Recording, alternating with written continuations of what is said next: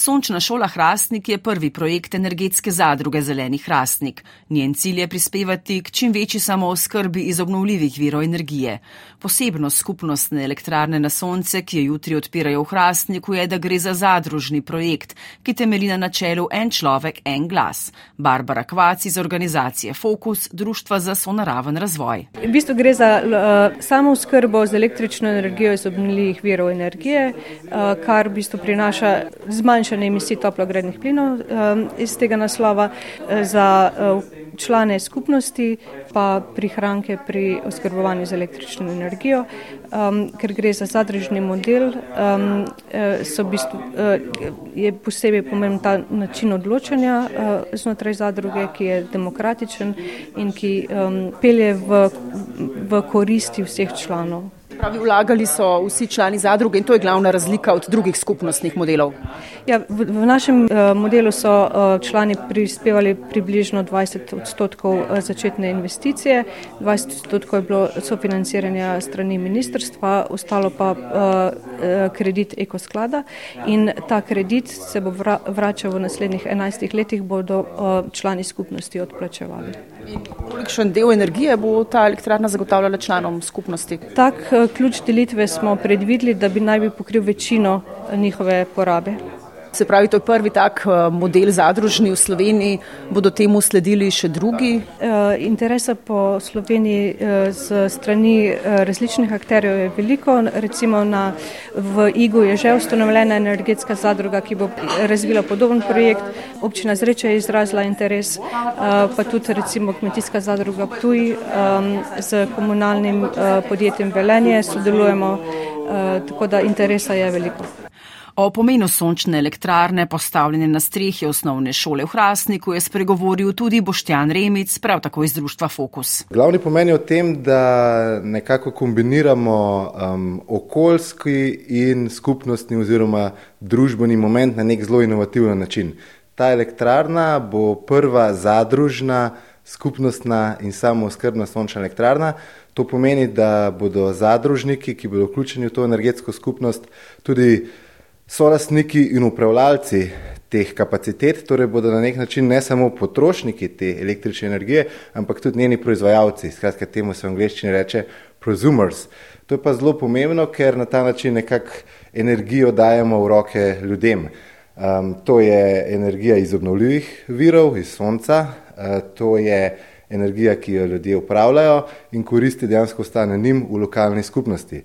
Kar je mogoče še posebej zanimivo, je, da je ta model zelo nov. Vse obstajajo že pri nas in energetske zadruge in energetske skupnosti. Um, mi smo pa nekako orali ledino, uh, da smo spostavili nekaj, če moram jaz rečem, kreativna reinterpretacija javno-zasebnega partnerstva. Ne. Javno-zasebno partnerstvo ponovadi izgleda tako, da ima kakšen veliki igralec eh, zelo veliko tega, javnega interesa je pa bolj mal, no tukaj pa nekako smo združili uh, lokalno samopravo, torej občino, skupaj z gospodinstvi in z lokalnim malim gospodarstvom in skratka dajemo javni interes, interes okolja oziroma narave varovanja okolja in ljudi na prvo mesto in zato se mi zdi, da je to model, ki lahko pokaže, kakšen je res nek pravičen zeleni prehod uh, v praksi. Projekt torej združuje tako javne kot zasebne osebe, v Hrastniku pa že načrtujejo nove podobne projekte. Tako, 15 gospodinstv, tri objekti javnih zavodov, če tako rečemo, oziroma javni objekti in dva objekta lokalnega gospodarstva. Um, zdaj, ta specifična energetska skupnost, ki rečemo Sončna šola Hrastnik, je lokacijsko omejena, ker je v bistvu še po stari uredbi, ker velja uh, neto meritve in je zato omejena na področje ene transformatorske postaje. Uh, V prihodne pa zadruga Zeleni Hrastnik že načrtuje razvoj novih projektov v Hrastniku.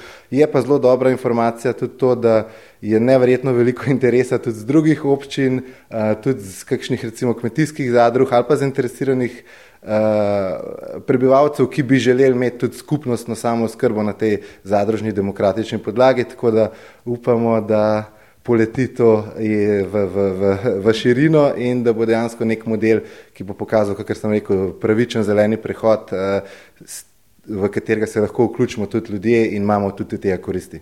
Interes za vzpostavljanje podobnih skupnostnih energetskih projektov torej narašča. Če pogledamo, koliko je dejansko po državi osnovnih šol, ne, ki so dejansko, eh, bom rekel, nobenih negativnih učinkov ni, eh, če pogledamo solarizacijo, tukaj je res veliko prostora, hkrati pa super, da, da je to skupnostni način samo skrbe, ker seveda šola ima nek, neko dinamiko proizvodne, eh, porabe pra, pardon, energije, medtem ko ima sončna elektrarna tudi svojo dinamiko, seveda zaradi sonca, jasno.